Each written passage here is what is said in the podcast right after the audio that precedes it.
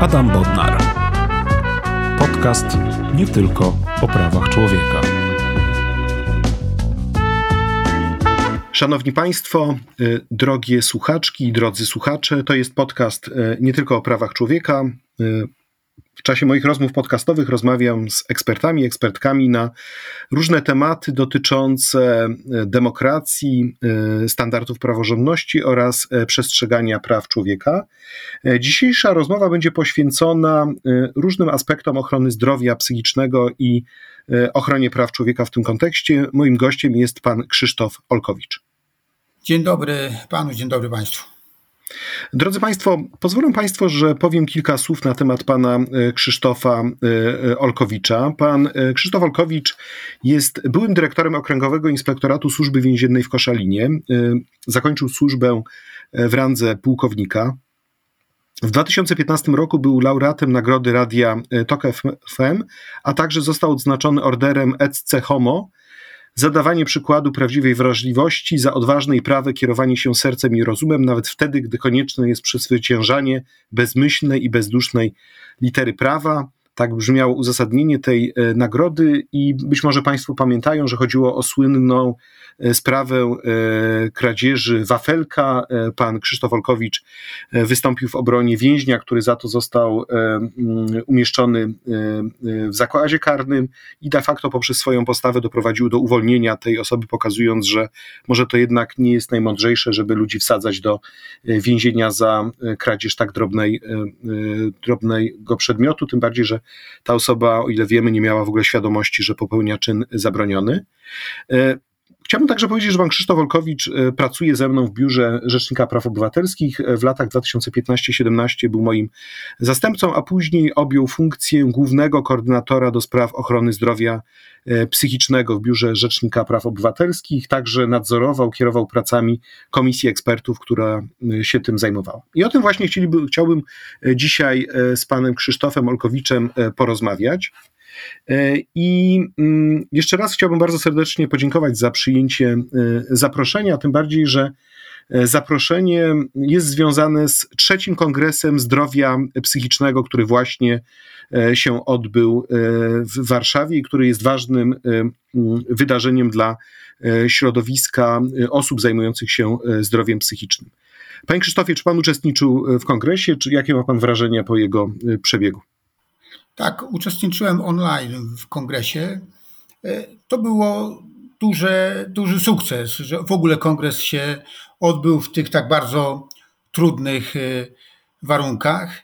Natomiast e, teraz problem polega na tym, żeby deklarację, która została przyjęta na koniec kongresu, po prostu zacząć realizować. Dzisiaj już nie mamy czasu na to, żeby psychiatria dzieci i młodzieży, psychiatria dorosłych czekała. Zaraz o tej deklaracji e, porozmawiamy, natomiast wydaje mi się, że dla e, wielu osób i dla wielu e, słuchaczy i słuchaczek podcastu w ogóle ten temat zdrowia psychicznego jawić się może jako temat obcy, niezrozumiały, temat, w którym pojawia się sporo trudnych słów, ale także w którym są pewne pewne tendencje nie do końca zrozumiałe dla e, szeroko rozumianej opinii publicznej. I może byśmy od tego zaczęli. E, jeżeli byśmy porozmawiali z przeciętnym e, ekspertem, ekspertką czy przedstawicielami organizacji społecznych zajmujących się zdrowiem psychicznym, oni powtarzają jak mantrę słowa: konieczna jest opieka środowiskowa w kontekście ochrony zdrowia psychicznego. Co to jest ta opieka środowiskowa? Najprostsza odpowiedź to opieka blisko domu. Dotychczasowy model bowiem zakładał taki charakter izolacyjno-azylowy. To były duże instytucje, szpitale psychiatryczne, gdzie trafiali tam pacjenci i właśnie w tych oddziałach prowadzone było leczenie, no i w bardzo wąskim zakresie terapia. Natomiast dzisiaj ten opieka środowiskowa oznacza zmianę tego systemu na system, gdzie pacjent jest w otoczeniu rodziny, gdzie jest blisko rodziny, gdzie jest blisko swojego środowiska. No właśnie nowy model Centrum Zdrowia Psychicznego oparty jest na tej zasadzie, żeby likwidować duże szpitale psychiatryczne, a trafiać do opieki środowiskowej. Ja rozumiem, że z tym się wiąże drugi taki termin, który jest bardzo powszechnie używany, nie tylko w kontekście szpitali psychiatrycznych, ale także na przykład dużych e, domów pomocy społecznej, to jest termin deinstytucjonalizacja. Trudny termin, e, prawda, wiele e, literek w tym trudnym słowie, deinstytucjonalizacja. Jak to należy rozumieć? Deinstytucjonalizacja wiąże się z opieką środowiskową.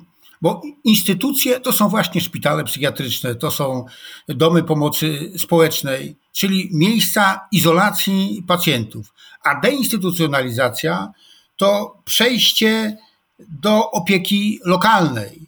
To osoby z zaburzeniami e, psychicznymi nie są już izolowane. One E, trafiają do mieszkań chronionych zamiast do DPS-ów, mają zapewnioną opiekę lekarską, potrzebną pomoc, ale nie w dużych instytucjach.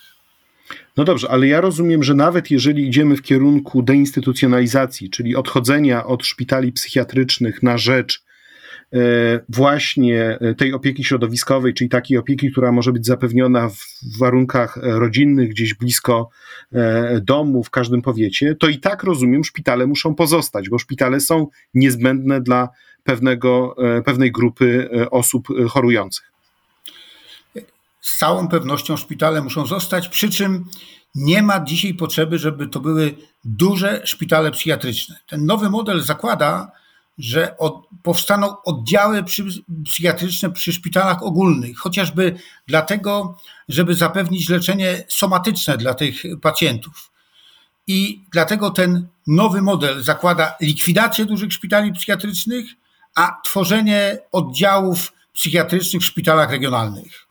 Ja rozumiem, że problem y, z tymi dużymi instytucjami, takimi jak właśnie domy pomocy społecznej czy szpitale psychiatryczne, E, dotyczy także potencjalnego naruszania praw człowieka osób, które tam przebywają. Że jeżeli mamy do czynienia z dużą instytucją, to często trudno jest w niej dostrzec konkretną osobę e, konkretne, i zaoferować tej osobie konkretne wsparcie, albo też trudno jest czasami odpowiednio nadzorować personel i może dochodzić do takich sytuacji, gdzie właśnie ktoś jest no, najzwyczajniej w świecie zaniedbany i doświadcza różnych sytuacji, które mogłyby stanowić E, poniżające i nieludzkie traktowanie, a czasami nawet może i wręcz e, tortury.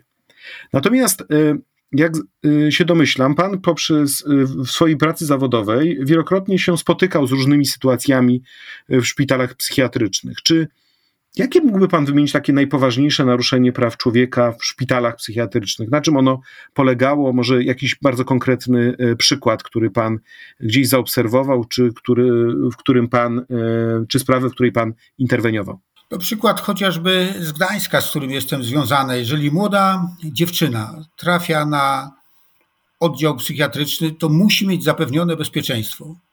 Tymczasem w Gdańsku młodą dziewczynę umieszczono na oddziale dla dorosłych i dorosły chłopak dopuścił się molestowania seksualnego wobec tej dziewczyny. Poważne zaniedbanie, poważne naruszenie praw, poważne naruszenie bezpieczeństwa. Do takich zdarzeń zdecydowanie nie powinno dochodzić w szpitalu. No tak, tylko że to zdarzenie jest wynikiem mm, kryzysu psychiatrii dziecięcej, tego, że nie ma miejsc na oddziałach psychiatrii dziecięcej i e, osoby nieletnie trafiają na oddziały dla dorosłych, co się nie powinno zdarzyć. Ale gdybyśmy się tak zastanowili nad takim typowym, klasycznym naruszeniem praw człowieka w kontekście funkcjonowania szpitala psychiatrycznego, to na czym to może polegać? W szpitalach psychiatrycznych dzisiaj właściwie e, poza leczeniem farmakologicznym nie ma zagwarantowanego jakiejkolwiek terapii, która by pozwalała później normalnie funkcjonować. I to jest znaczne ograniczenie e, praw człowieka. W szpitalu psychiatrycznym ten czas powinien być również wykorzystany do tego, żeby osoba, która tam trafia, była przygotowana do tego, żeby po powrocie ze szpitala zacząć normalne życie. Tymczasem y, w ograniczonym zakresie jedynie realizowane jest, realizowana jest terapia. A to jest poważne ograniczenie praw pacjentów. No tak, no, no bo po to idziemy do szpitala, żeby się wyleczyć, prawda, a nie tylko przyjąć e, jakieś dawki leków. E, ja rozumiem, że w kontekście właśnie walki o opiekę środowiskową oraz deinstytucjonalizację udało się, powiedziałbym tak, przemówić do rozsądku rządowi i kilka lat temu rząd zdecydował się na uruchomienie programu pilotażowego. Pilotaż to jest taka sytuacja, kiedy rząd E, bądź jakaś inna instytucja coś testuje, tak? Czyli wprowadza jakieś rozwiązanie, przygląda się, wyciąga wnioski, mówi: OK, e, to nam się podoba, to się sprawdza, idziemy w tym e, kierunku. No i właśnie taki pilotaż został uruchomiony i polegał on na tym, że powinny powstać centra zdrowia psychicznego, czyli takie centra w niektórych powiatach, w których właśnie zapewniono by tak bliski dostęp do usług e, zdrowotnych w zakresie zdrowia e, psychicznego dla osób e, chorujących. Czy mógłby Pan powiedzieć, jak duży jest to program, ile objął powiatów, ile kosztuje i co wiemy teraz już po jakimś czasie realizacji tego programu? Program realizowany jest od 2018 roku i do chwili obecnej mamy zorganizowanych 33 centra zdrowia psychicznego. I tu jest pierwszy problem, bo jeżeli w tym tempie realizowalibyśmy ten program, a on na dzisiaj objął jedynie 12% dorosłych mieszkańców, to żeby go zakończyć, potrzebowalibyśmy 30 lat. Dlaczego tak się dzieje? Ja mam wrażenie, że dzisiaj nie wszyscy są entuzjastami tego programu. Centra oparte są na dwóch zasadach. Pierwsza zasada to odpowiedzialność terytorialna za grupę mieszkańców, a druga zasada to budżet globalny. Nie budżet w oparciu o określone świadczenia pojedyncze, tylko globalny budżet.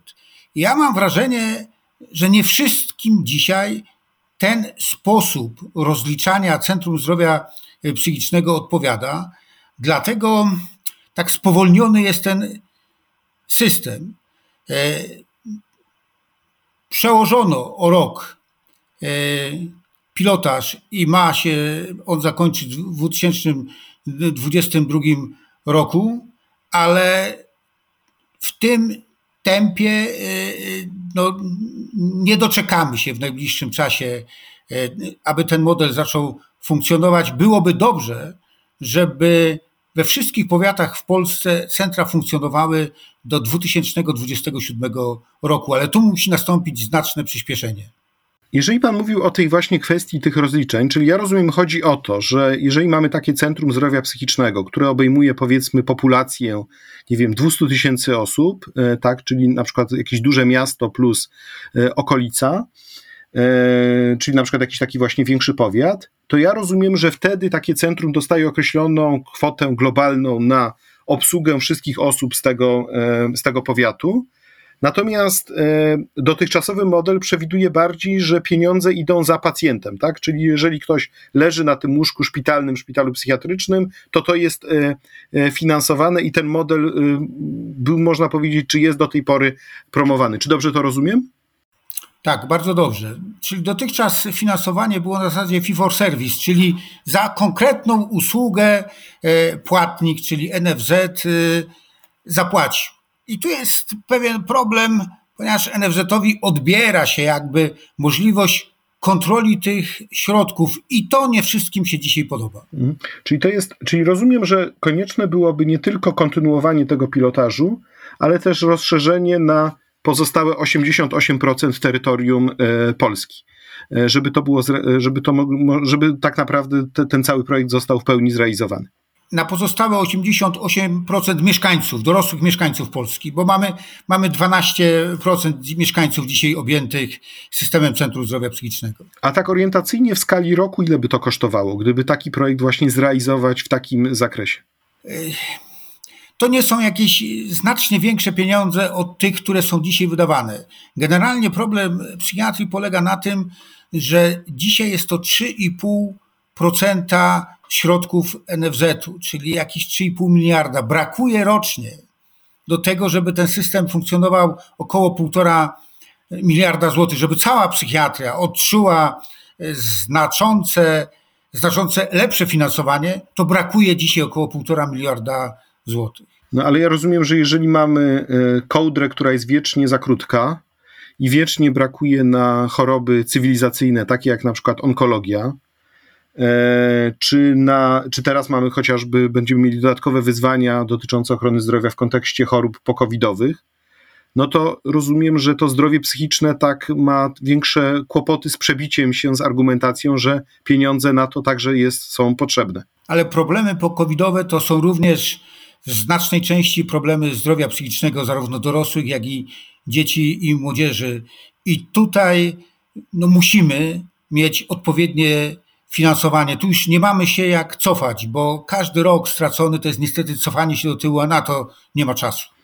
Wiem, że w ostatnim czasie e, zostały przedstawione pierwsze efekty tego programu pilotażowego. E, I czy ten program się okazał skuteczny, czy też nie? Tak, tak. Są bardzo pozytywne efekty. Przede wszystkim nie ma tego, co było problemem, czyli pacjent, który zapisał się do jakiejś poradni, oczekiwał. Tutaj pacjent zostaje przyjęty bezpośrednio e, e, do punktu zgłoszeniowo-koordynacyjnego i nie ma oczekiwania. Każdy pacjent od razu ma zapewnioną opiekę. Ponadto już widać wyraźnie, że zmniejszyła się ilość hospitalizacji bo bowiem nie każdy pacjent wymagał tego, żeby trafić do szpitala psychiatrycznego. Pacjenci wymagali opieki, wymagali terapii i w tym zakresie centra zdrowia psychicznego z całą pewnością się sprawdziły. No dobrze, to skoro się sprawdziły, to mamy, jak rozumiem, barierę taką y, organizacyjną. E, barierę trochę taką, że ktoś się boi, że odbierze się e, właśnie to, e, to świadczenie za, te opłaty za konkretne świadczenie, czyli to, że pieniądze idą za pacjentem. Mamy też presję prawdopodobnie ze strony tych, którzy reprezentują te interesy tych właśnie chorób cywilizacyjnych, no ale jednak Kongres Zdrowia Psychicznego przyjął uchwałę, która deklaruje, która żąda tego, żeby jednak ten projekt został E, zrealizowany. Jak pan myśli, na ile ten postulat Kongresu Zdrowia Psychicznego znajdzie faktyczne odzwierciedlenie w polityce państwa? Tutaj musi być wola polityczna. Tak jak rozpoczęto reformę Centrum Zdrowia Psychicznego od tego, że minister Król przygotował takie oprzyrządowanie prawne, czyli program pilotażowy, tak dzisiaj trzeba program wpisać do e, ustawy o ochronie zdrowia psychicznego i zacząć go realizować. Sytuacja jest dziwna, ponieważ takim narzędziem do realizacji e, reformy ochrony zdrowia psychicznego jest Narodowy Program Ochrony Zdrowia Psychicznego. I wpłynął do, wpłynęła do Sejmu informacja o realizacji tego programu za lata 2017-2018. 10 grudnia wpłynęła informacja 2019. E, pan Marszałek Sejmu nadała numer druku sejmowego 67 i ta informacja czeka półtora roku na to, żeby ją rozpoznać. A tam są bardzo konkretne wnioski właśnie kontynuowania pilotażu. Nie wiem, dlaczego przez tak długi czas y, ta informacja nie była przedmiotem obrad Komisji Zdrowia Sejmu i dlaczego nie ma wsparcia polityków w tym zakresie. A może jest tak, że rząd tak lubi się samobiczować, ponieważ ja na przykład pamiętam e, e, ocenę realizacji poprzedniego programu ochrony zdrowia psychicznego dokonaną przez Najwyższą Izbę Kontroli. E, czy pamięta pan ten raport, który właśnie tak, oceniał, pamiętam. w jakim zakresie to było? Pamięta pan, ile punktów nie zostało zrealizowanych z tych założeń rządowych? To było kompletne fiasko tamtego programu. Nie pamiętam dokładnie ile, ale chyba niewiele zostało zrealizowanych. Tam, o ile mnie pamięć nie myli, to chyba na 31 punktów 29 nie zostało zrealizowanych. To być może rząd lubi tak, że to znaczy, żeby później ktoś właśnie ocenił porządnie i powiedział, znowu wam się nie udało, znowu fiasko, znowu e, coś, e, coś nie wyszło. Ja oczywiście sobie żartuję, bo tylko to jest taki żart przez łzy, ponieważ wiemy dobrze, że później chodzi o e, konkretne sytuacje konkretnych osób, które nie mają odpowiedniego wsparcia, czy to ambulatoryjnego, czy wsparcia na poziomie zwyczajnej porady psychiatrycznej, psychiatrycznej, czy też wsparcia po prostu szpitalnego i to po prostu nie są dowcipy, gdyż to wszystko ma później wpływ na życie konkretnych osób, życie rodzin, na poziom samobójstw, który przecież w Polsce też jest jednym z wyższych w Europie. No ale mm, mamy też takie pewne, powiedziałbym, dobre przykłady. Ostatnio dowiedzieliśmy się z mediów, że Janusz Schwertner, autor reportażu Miłość w czasach zarazy, e, ale także współautor książki e, Szramy, napisanej wspólnie z Witoldem Beresiem, e, dostał nagrodę tak zwanego europejskiego Pulitzera. Właśnie za ten reportaż Miłość w czasach zarazy. No i Janusz Schwertner zrobił rzecz taką zupełnie, moim zdaniem, niesamowitą, a mianowicie na początku 2021 roku odpytał wszystkich senatorów Prawa i Sprawiedliwości, dlaczego głosowali przeciwko podwyższeniu kwot na psychiatrię dziecięcą. No i to spowodowało na tyle piorunujący efekt polityczny, że później premier aż znalazł pieniądze na psychiatrię dziecięcą. Czy to nie jest trochę tak, że skoro premier znalazł pieniądze na psychiatrię dziecięcą i pójdzie, pójdą pewne środki na realizację zadań w tym zakresie, to rząd sobie w tym odpuszcza y, tą ogólną y, psychiatrię, ogólne dbanie o zdrowie psychiczne? Nie widzi pan, że to może tak działa w Polsce? Ja chcę tylko przypomnieć, jak głęboka była zapaść psychiatrii dzieci i młodzieży, kiedy pani profesor Małgorzata Jana Skozik przedstawiała na Radzie do Spraw Zdrowia Psychicznego referat dotyczący założeń reformy psychiatrii dzieci i młodzieży, to ten referat brzmiał, e, że jest to e, reforma psychiatrii, czyli pół chleba i pięć kajzerek. Bo jak dokładnie wyliczono, to rocznie przeznaczano 23 zł na psychiatrię dzieci i młodzieży, a miesięcznie złoty 95. E, a więc startowaliśmy naprawdę z bardzo niskiego poziomu. I każde pieniądze są ważne i cenne, ale te pieniądze, które zaproponował pan premier, też niewiele zmienią.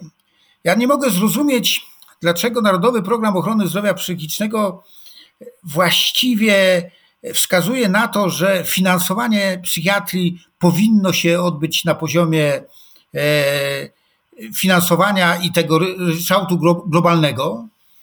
I ma to miejsce w stosunku dorosłych, a cały czas psychiatria dzieci i młodzieży finansowana jest y, na zasadzie określonych świadczeń, czyli ten fee for service. Dlaczego znowu dzieci traktowane są gorzej? Dlaczego nie ma odpowiedzialności za określoną grupę młodych mieszkańców i dlaczego nie ma tego finansowania. O to upomina się środowisko, chociaż e, znowu władza publiczna jakby próbuje uciekać od e, odpowiedzi na to pytanie. Zupełnie inaczej wyglądałyby dzisiaj ośrodki środowiskowej opieki psychologicznej i psychoterapeutycznej, gdyby finansowanie ich, zwłaszcza w tym trudnym okresie pandemicznym, było na tej zasadzie.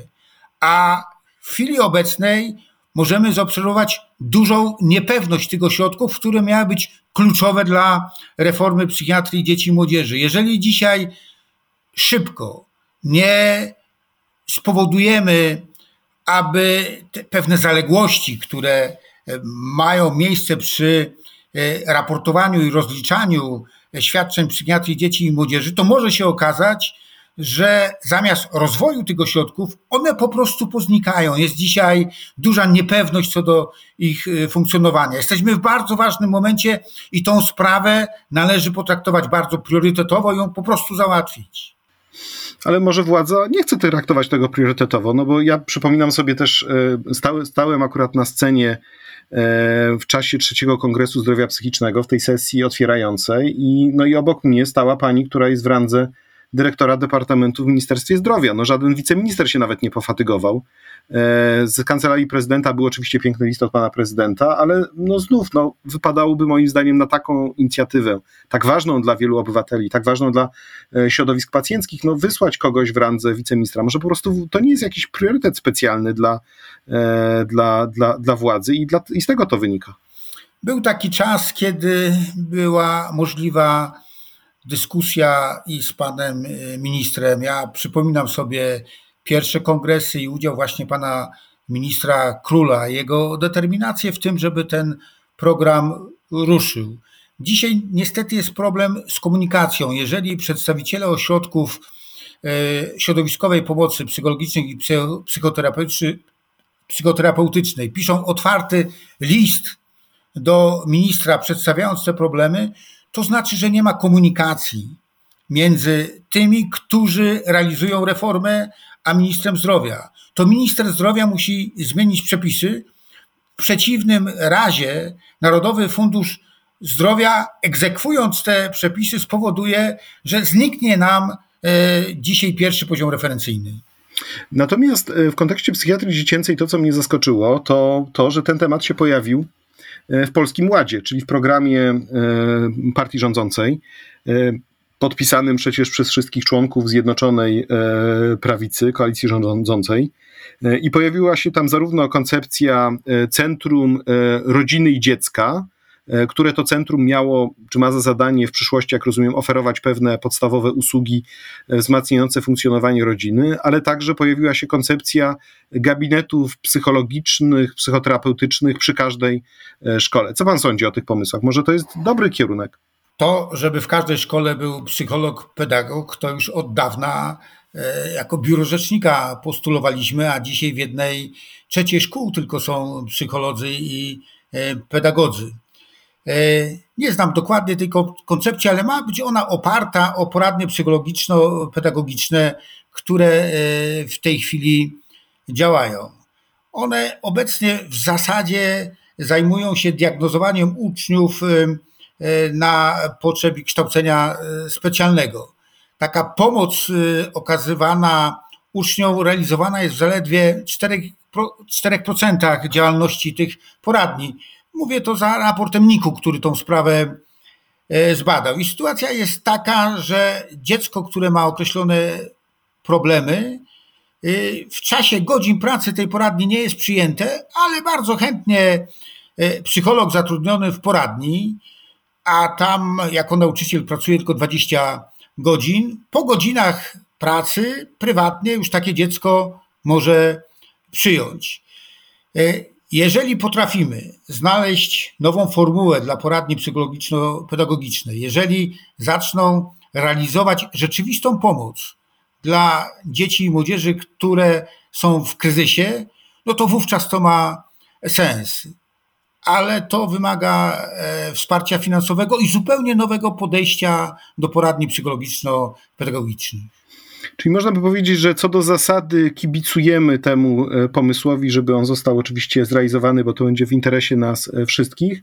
Natomiast, żeby nie było tak słodko, no to to, co mnie zastanowiło w tym polskim ładzie, to to, że nie ma słowa na temat psychiatrii dla dorosłych i ochrony zdrowia psychicznego dla dorosłych, czyli jest skupienie na właśnie na sytuacji dzieci i dobrze, ale już o dorosłych jakoś e, zapomniano i o tym niestety programie pilotażowym też zapomniano. To znaczy nie ma ani słowa e, w Polskim Ładzie na ten temat, co e, no, nie najlepiej wróży przyszłości i czego się oczywiście obawiam, bo uważam, że ten program powinien być po prostu realizowany i tak jak to już wcześniej ustaliliśmy, powinniśmy się starać, aby do tego 2027 roku objąć tym programem całą Polskę i żeby ten postulat E, Kongresu Zdrowia Psychicznego, czyli że Centrum Zdrowia Psychicznego w każdym powiecie e, po prostu był e, zrealizowany.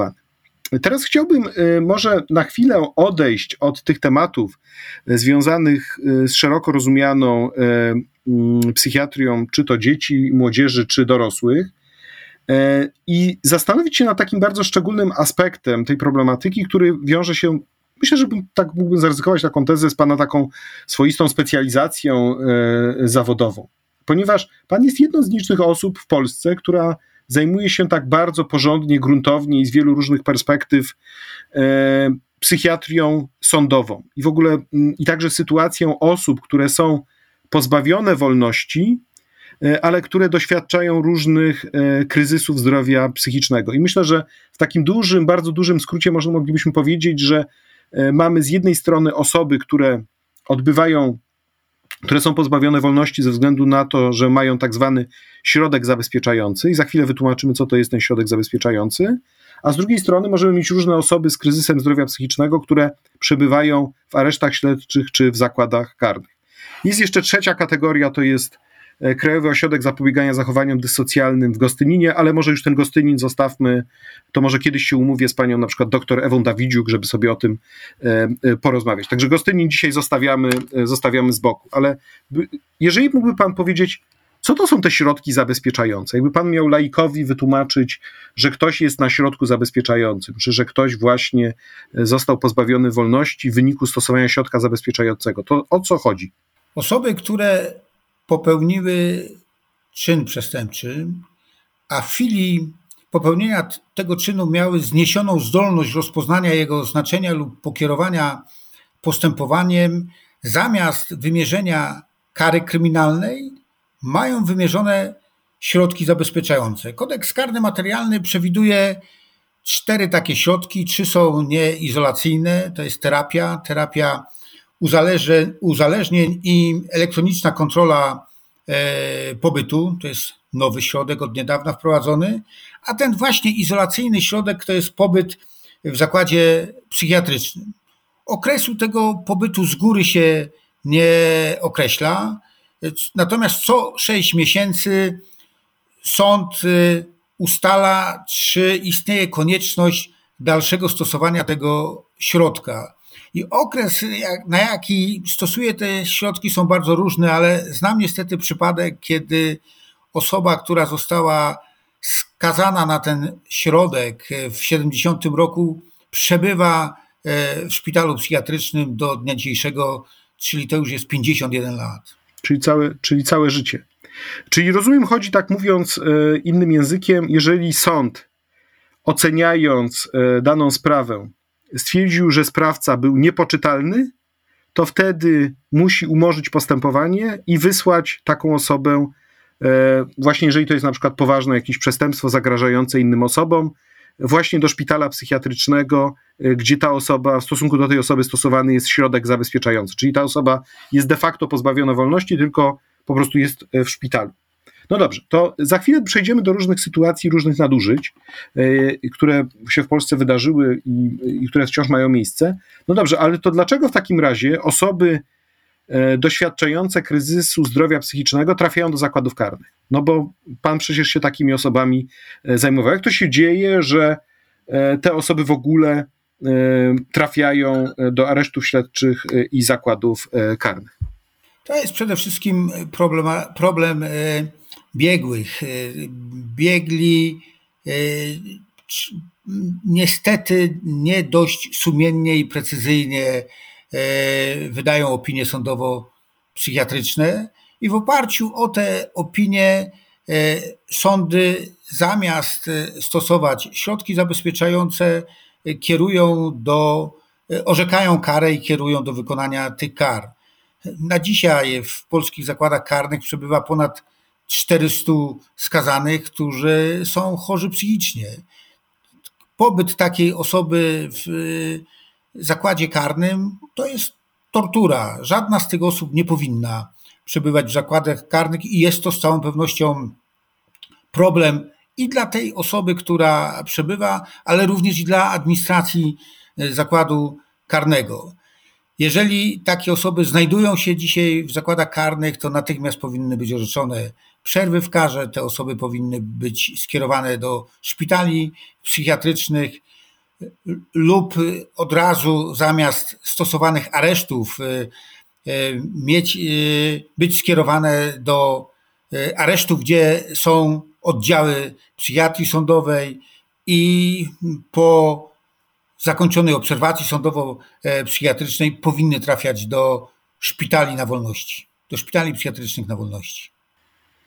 No ale rozumiem, że może być też tak, że ktoś jest pozbawiony wolności, jest w pełni zdrowy i w trakcie kary rozwinie mu się choroba E, psychiczna. Może być przecież też taka sytuacja, i wtedy nie zawsze to musi od razu oznaczać, że taka osoba jest zwalniana celem leczenia się w warunkach wolnościowych, tylko może być leczona w warunkach też dalszego zamknięcia, prawda? Kodeks karny wykonawczy przewiduje obligatoryjne i fakultatywne możliwości skierowania e, takiej osoby do szpitali psychiatrycznych na zewnątrz, czyli przerwy w karze. I jeżeli taka osoba zachoruje psychicznie, to sąd powinien obligatoryjnie skierować taką osobę do leczenia w warunkach wolnościowych. Nie zawsze niestety się tak dzieje.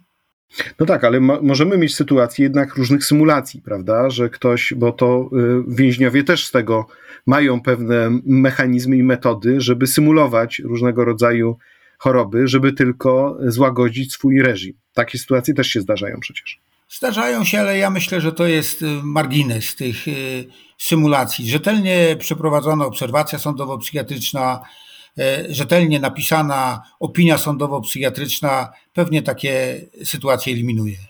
No dobrze, wracając teraz do tych środków zabezpieczających, zdarzyło się w ostatnich latach, że mieliśmy kilka, kilkanaście przypadków, no ewidentnie nadmiernego, niepotrzebnego stosowania, czy zbyt długiego stosowania e, środka zabezpieczającego. No chyba taka najgłośniejsza sprawa dotyczyła e, szpitala psychiatrycznego w Rybniku, gdzie kilku panów e, przez wiele, wiele lat przebywało na tym środku zabezpieczającym, między innymi pan, e, te nazwiska są powszechnie znane, dlatego je ujawniam, ponieważ e, on, te osoby były, e, mm, były wielokrotnie opisywane w mediach, pan Felix Meszka, pan Christian Broll, pan Stanisław B., i ta sprawa myślę, że wstrząsnęła opinią publiczną, ponieważ faktycznie za jakieś zupełnie drobne czyny E, ci panowie przez długie, długie lata siedzieli w szpitalu psychiatrycznym, sąd nie reagował, nawet ich nie oglądał e, i nie weryfikował ich e, stanu, nie, nie przyjeżdżał do, do szpitala, żeby sprawdzić, czy ma to faktycznie sens. Co więcej, w jednej z tych spraw udało się uzyskać jedno z rekordowych zadośćuczynień, a mianowicie jeden z tych panów wygrał 2 miliony złotych tytułem zadośćuczynienia z powodu spędzenia właśnie kilku lat E, na tym e, środku zabezpieczającym. I teraz moje pytanie do Pana jest następujące: czy ta sprawa wstrząsnęła na tyle e, polskim systemem prawnym, żebyśmy naprawili procedury albo żebyśmy bardziej uświadomili sobie, na czym to polega i dlaczego to przebywanie na środku zabezpieczającym może być po prostu groźne z punktu widzenia poszanowania wolności jednostki. To jest właśnie kwestia rzetelności opinii, które sporządzają biegli lekarze pracujący w szpitalach psychiatrycznych. Przypomnę tylko, że co 6 miesięcy sporządzana jest taka opinia. E, kiedyś zapytałem panią ordynator w szpitalu psychiatrycznym w Starogardzie Gdańskim o opinię sądowo-psychiatryczne. Powiedziała mi, że na 60 opinii, które, z którymi się zapoznała, 5 było napisanych rzetelnie. Czyli co, czyli, czyli w 55 przypadkach szafowano ludzkim życiem w wyniku nierzetelnego przygotowania opinii, tak? Ja sam jeździłem po szpitalach psychiatrycznym i w szpitalu w Suchowoli znalazł się pacjent, który trafił tam, ponieważ krówka, która była jego inwentarzem, wyszła na ulicę. Miał e, zastosowaną karę w zawieszeniu a, e, i zakaz hodowli zwierząt gospodarskich. A ponieważ ta krówka nie zrozumiała zakazu, po raz kolejny wyszła na drogę, no to sąd zastosował środek zabezpieczający i ten pacjent 8 lat przebywał w szpitalu psychiatrycznym, a lekarze pisali, że w dalszym ciągu zamierza hodować zwierzęta gospodarskie. Sąd przyjmował, że w dalszym ciągu zamierza hodować zwierzęta gospodarskie i przebywał w tym szpitalu.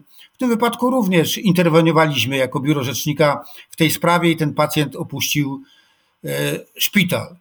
Jeszcze do jednej rzeczy doprowadziliśmy, e, mianowicie dzisiaj każdy pacjent ma to prawo, że może stanąć przed sądem, który rozpoznaje jego sprawę przedłużenia środka zabezpieczającego. Dotychczas było tak, że bardzo rzadko sąd mógł zobaczyć takiego pacjenta. Dzisiaj coraz częściej pacjent bierze udział w posiedzeniu sądu, który rozpoznaje jego sprawę. W dalszym ciągu pozostaje problem rzetelności opinii sądowo-psychiatrycznych, ale mam nadzieję, że coraz częściej pacjenci będą brali udział w posiedzeniach sądu i sąd będzie miał sam możliwość jakby bardziej wnikliwego spojrzenia na, na ich sytuację.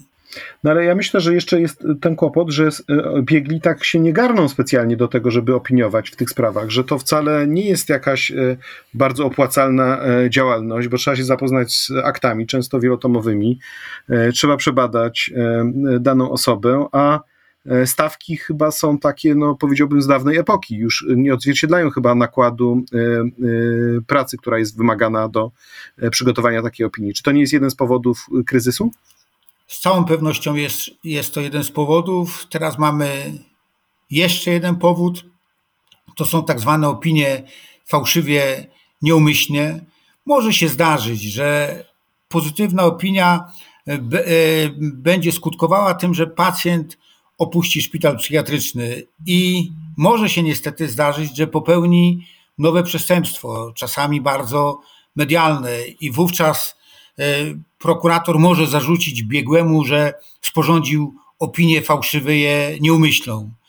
I dzisiaj no, coraz trudniej znaleźć będzie e, psychiatrów, którzy będą chcieli się podejmować opiniowania sądowo-psychiatrycznego na potrzeby przedłużania środków zabezpieczających.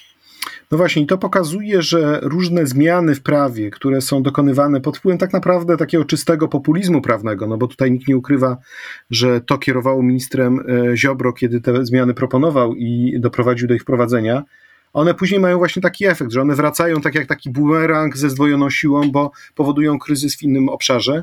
E, I co więcej, no, jeżeli już mówimy też o populizmie prawnym, też mi się wydaje, że jest taka tendencja, e, żeby nie opiniować w kierunku wolnościowym, ponieważ właśnie nie tylko chodzi o ewentualną odpowiedzialność karną później, ale to, że później właśnie media, e, łącznie z tym ministrem, się rzucają na tego biegłego, dlaczego do tego doprowadziłeś. Tak jest szukanie tego e, kozła ofiarnego, a nie uznawanie, że ufamy tobie, bo kierowałeś się najlepszą wiedzą medyczną i najlepszym e, zrozumieniem danej, e, danej sytuacji.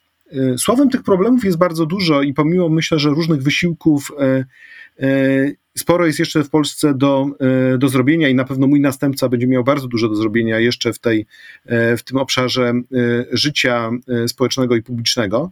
Natomiast ja mam takie pytanie do Pana, a mianowicie takie pytanie na sam koniec, bardzo takie konkretne. Ponieważ jesteśmy teraz w trakcie, ja bym to nazwał, ustępowania pandemii. Tak? Może ta pandemia jeszcze chyba nie do końca ustąpiła i, e, i chociaż widzimy, że ulice wyglądają całkiem mil, miło, e, te zapełnione ogródki e, kawiarniane i restauracyjne i ludzie uprawiający sporty i spacery, to jest na pewno piękny obraz, natomiast myślę, że pandemia jeszcze do nas wróci. Natomiast no, mimo wszystko na pewno jesteśmy na takim etapie, że możemy coś planować. No i teraz chciałbym, żeby pan sobie wyobraził, że przez jeden dzień pan jest premierem i ma pan tego jednego dnia spotkania z czterema ministrami. Z ministrem zdrowia, ministrem sprawiedliwości, ministrem edukacji i nauki oraz ministrem rodziny i polityki społecznej. I teraz tak, leży panu na sercu z jednej strony ochrona zdrowia psychicznego, z drugiej strony to, co pandemia y, spowodowała i powoduje dla naszego społeczeństwa.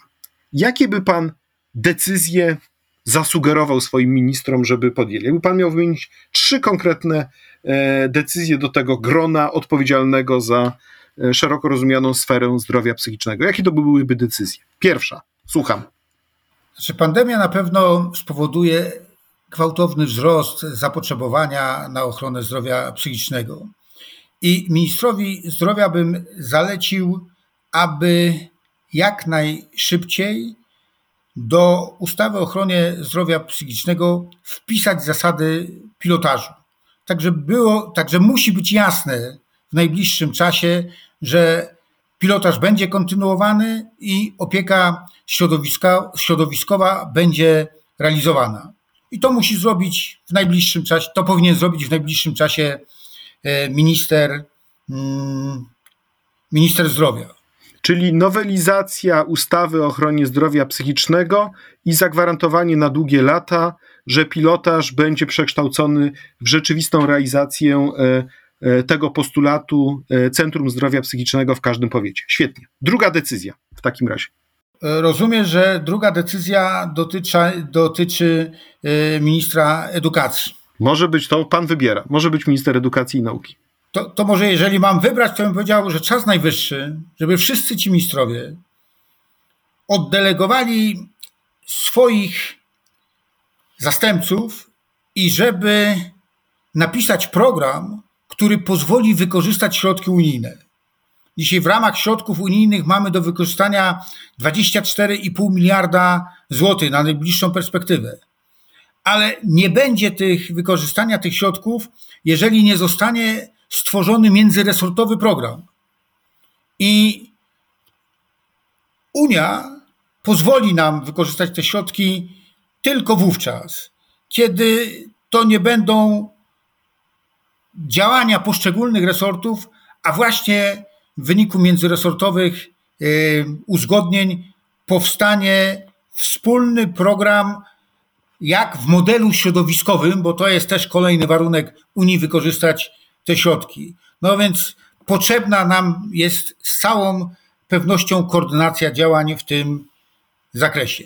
Czyli rozumiem pana, druga decyzja byłaby taka, e, Drodzy, drodzy ministrowie, jeszcze pewnie do tego by trzeba było dodać ministra tych e, funduszy e, unijnych i rozwoju regionalnego. Oddelegujcie po wiceministrze z waszego resortu, stwórzcie zespół międzyresortowy, dogadajcie się razem w terminie, nie wiem, miesiąca od utworzenia tego zespołu, w jaki sposób stworzyć program międzyresortowy wykorzystania tych 24 miliardów e, na reformę e, e, zdrowia psychicznego i na stworzenie kompleksowego programu ochrony, opieki środowiskowej. Czyli to jest druga decyzja. No i trzecia, ostatnia. No, ponieważ bliska jest mi psychiatria sądowa, to zdecydowanie muszą zmienić się warunki pobytu osób, które odbywają środki zabezpieczające. Dzisiaj jest tak, że właściwie jest to łóżko, jest to farmakoterapia, a terapia e, bardzo rzadko ma miejsce. Celem e, pobytu w takim ośrodku jest e, przygotowanie do ponowne do życia E, w społeczeństwie. Nie będzie tego przygotowania, jeżeli nie uruchomi się aktywności zawodowej, której dzisiaj nie ma. E, nie będzie tego przygotowania, jeżeli nie będzie terapii indywidualnej. Ona bardzo rzadko ma miejsce, bo dzisiaj jest jeden terapeuta na 40 e, pacjentów. Muszą być nowe zasady finansowania psychiatrii sądowej. Dzisiaj jest tak, że psychiatria sądowa finansowana jest z naszej składki zdrowotnej i minister sprawiedliwości nie kieruje jakichkolwiek środków na realizację środków zabezpieczających. No więc trzeba ten model, e, który jest dzisiaj e, na oddziałach psychiatrii sądowej, tak zmienić, żeby przygotowanie pacjentów tych oddziałów rzeczywiście pozwalało na opuszczenie jak najszybsze oddziałów i powinni być oni przygotowani do ponownego funkcjonowania w społeczeństwie. Czyli trzeci, trzecia decyzja, reforma środków zabezpieczających w taki sposób, żeby to była rzeczywista terapia, a nie tylko i wyłącznie pobyt e, szpitalny oparty na e, farmakologii bez tak naprawdę rzeczywistego leczenia i przygotowania do życia e, w społeczeństwie. Bardzo dziękuję za te, e, za te rekomendacje. Ja bym może jeszcze do tego dodał czwartą, która też nawiązuje do Kongresu Zdrowia Psychicznego, a mianowicie wspaniały referat miał profesor Jerzy Bralczyk, który mówił o znaczeniu słów, e, jak słowa mogą stygmatyzować osoby, które są dotknięte kryzysem zdrowia e, psychicznego, jak mamy też wielki problem z używaniem naszego słownictwa w tym, w tym kontekście. Także być może warto byłoby, żeby minister edukacji i nauki tym się też zajął przyjrzał się i być może zaplanował jakieś kampanie edukacyjne e, w szkołach, te właśnie, które by zmierzały do walki e, e, ze stygmatyzacją. To może bym jeszcze tutaj od siebie dodał. Ale tak, skoro rozmawialiśmy o poziomie makro, to jeszcze chciałbym już na sam koniec przejść na poziom mikro. Ma pan za sobą te ładne kilka lat pracy, tak samo jak i ja, w Biurze Rzecznika Praw Obywatelskich, i na pewno ma pan przed swoimi oczami jakąś jedną scenę, jedną sytuację, jedną osobę, która pana szczególnie wzruszyła, która pana szczególnie dotknęła, która była dla pana jakoś tak, e, tak ważna, gdzie ma pan takie poczucie, że że Pana zaangażowanie i spotkanie tej osoby było kluczowe dla po prostu naprawienia jej życia. Jaka to byłaby sprawa, jaka to byłaby osoba? Czy mógłby Pan się e, podzielić ze słuchaczami i słuchaczkami podcastu? Przez w zasadzie około roku e, pilotowałem sprawę mm, pana, który w sytuacji poważnego kryzysu psychicznego e, zadzwonił do szpitala i powiedział, że w szpitalu podłożona jest bomba. E, czyn rzeczywiście taki, który no na pewno powinien w jakiś sposób no, zostać napiętnowany, ale w tym wypadku osoba ewidentnie mająca problemy ze zdrowiem psychicznym trafiła do zakładu karnego. Udało się przy współpracy z rodziną. Ja niemalże co drugi dzień rozmawiałem z mamą tego chłopaka, która y, przeżywała mocno ten pobyt w szpitalu, y, pobyt, przepraszam, w zakładzie karnym. Y, udało się w kontakcie z prokuratorem, który co mnie zadziwiło i, i pozytywnie zaskoczyło, znalazł rozwiązanie takie, które spowodowało, że ten człowiek po orzeczonym, orzeczonym wyroku w zasadzie znalazł się na e, wolności i e, w tej dramatycznej sytuacji e, udało się, że nie stracił kontaktu z rodziną, nie stracił kontaktu z mamą i powoli dzisiaj wraca do zdrowia psychicznego. I no to takich spraw, gdzie trwały czasami długo, a dobrze się zakończyły, było e, kilka i każda z nich e, e, przynosi ogromną satysfakcję. Jak w tym powiedzeniu, kto jedno życie ratuje, jakby cały świat ratował. Bardzo panu chciałem za to serdecznie podziękować, a państwu chciałem podziękować za uwagę. Moim gościem był pan Krzysztof Olkowicz, główny koordynator do spraw ochrony zdrowia psychicznego w Biurze Rzecznika Praw Obywatelskich. Dziękuję. Dziękuję bardzo. Adam Bodnar. Podcast nie tylko o prawach człowieka.